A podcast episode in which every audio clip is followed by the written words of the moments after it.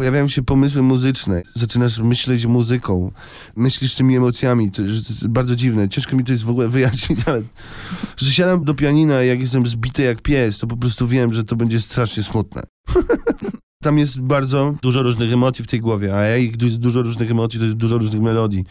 I jest jakby w tym wszystkim jest to, że te słabsze staram się wyrzucać, odrzucać na rzecz tych lepszych melodii, tych lepszych pomysłów, bo już ta praca w tych studiu, te, ćwiczenia, które sobie siedzę i czasem po prostu gram, dało mi tą taką możliwość.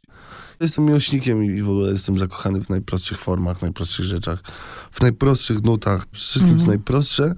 bo- Minimalista. Minimalizm. Ja uwielbiam minimalizm. Ja miałem potem taki okres na studiach, że się zakochałem w Eriku Satie. Piękny minimalowy na fortepian. Od tego gościa się jakby też dużo zaczęło potem.